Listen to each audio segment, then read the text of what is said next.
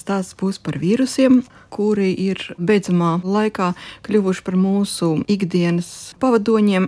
Mums liekas, ka mums ir uzbrucis jauns vīrus, bet eh, īstenībā korona ir viens no vissenākajiem vīrusiem, stipri agrīnāks par gripas vīrusu, kas ir jauns vīrus, un eh, vīrus ir visur.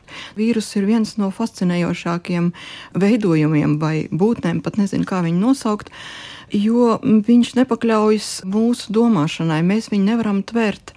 Pirmkārt, jau tas, ka vīrus ir ārkārtīgi mazs, ka viņš mūsu acī nav tverams. Un to tāda kultūra, kāda ir rietuma kultūra, kur ir balstīta uz vizualitāti, uz skatīšanos, viņi to nevar pieļaut.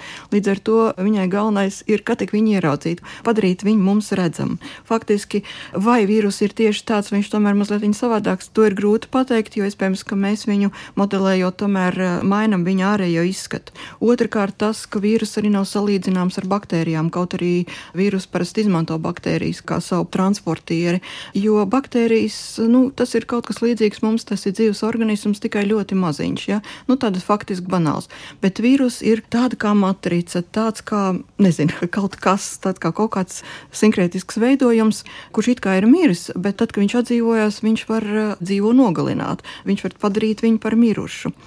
Tad uh, mēs runājam par vīrusu vienskaitlī, bet uh, vīrusu vienskaitlī neko nevar padarīt. Uh, pat ja mums blakus nostājās patiešām korona slims cilvēks, neviens viņa vīrus, ne daži vīrusi mums neko nevar padarīt, jo principā mums būtu jānostrādā imunitātei, un bieži vien šī imunitāte ir ārkārtīgi spēcīga. Vīrus mūs var iespaidot tad, kad viņi ir daudz un kad viņš ir pārkāpis zināmu slieksni. Tas nozīmē, ka uz viņu būtu jālieto kolektīvs apzīmējums vai daudzskaitļa apzīmējums.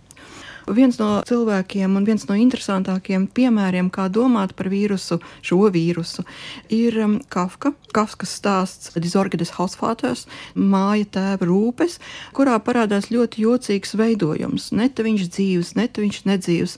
Vārds viņam jocīgs, nevar saprast, no kuras valodas viņš ir nācis. Tāds odradeks. Odradeks parādījās Kafkam Pirmā pasaules kara laikā, tas ir apmēram no 14. līdz 17. gadam, kad šis darbs ir rakstīts. Darbs ir ārkārtīgi ārkārtīgi īs, bet uh, atkārtot to, ko es jau esmu tātad teikusi.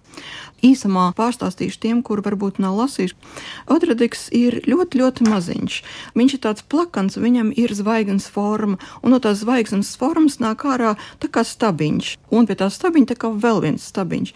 It kā tādas patīzlas kājiņas, bet nevar saprast, vai viņš ar tām kājiņām staigā, vai viņš tomēr veļās, jo kaut kā viņš neskatoties uz tik tiešām patīzlu ārienē, viņš tomēr ir ārkārtīgi kustīgs vērtīgs un veikls radījums, kur arī cilvēks neietu, tad šis mājtājs neiet, tas odrdeks ir viņam priekšā.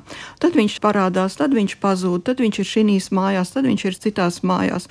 Un ik pa laikam viņš iesmējās. Smiekli viņam ir tādi jocīgi, tā kā tādas čaukstošas lapas, it kā viņam nebūtu plaušu. Kafka ir zīmējis arī Odredeku, un Odredeks uzmetot viņam acis, viņš tiešām izskatās pēc tāda kā koronavīrusa.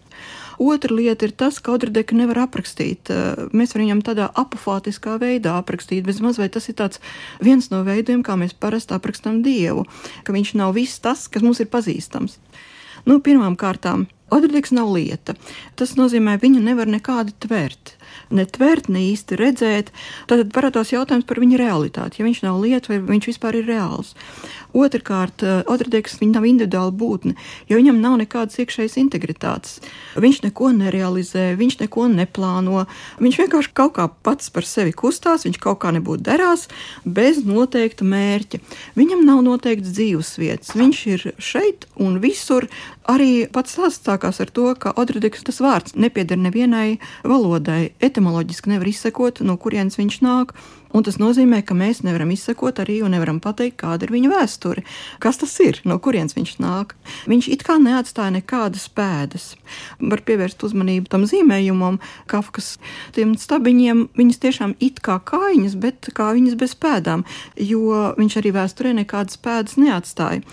Vienīgais, kur var izsekot, vai kur var apmēram pateikt, vai nojaust, kur kaut kad ir parādījies šāds vīrus, ir tad, kad viņš kaut ko izraisa, bet tās nav pēdas. Nu, piemēram, akadēmiķis Čaļins apgalvo, ka koronavīrus ir parādījies pirms 800 gadiem. Pirmo reizi bija tāda veida epidēmijas, un eh, kas to zina, varbūt mēs patiešām atklāsim, ka tāda koronavīrus eh, epidēmija ir bijusi arī stipri agrāk. Bet tās nav pēdas. Mēs tādus viļņus vai viņu parādīšanos nevaram sasaistīt. Viņam nav iekšējas loģikas. Un eh, tas, ka šim veidojumam nav nekāda mums saprotama, mūsu domāšanai saprotama tvēruma, liek mums nobīties, jo šis odradeks viņš it kā nepārtraucas. Savukārt, savulaik filozofs Sērens Kierkegaards teica, ka viens no baiļu veidiem mums ir tad, kad mēs redzam, ka fenomens nepārtrauc, no nepārtrauktības. Un šis stāsts arī tur beidzās, ka mājas tēvam nu, viņš netraucēja tas odrdeks. Nu, viņš tur veļās, tur smējās, kaut ko viņam atbild.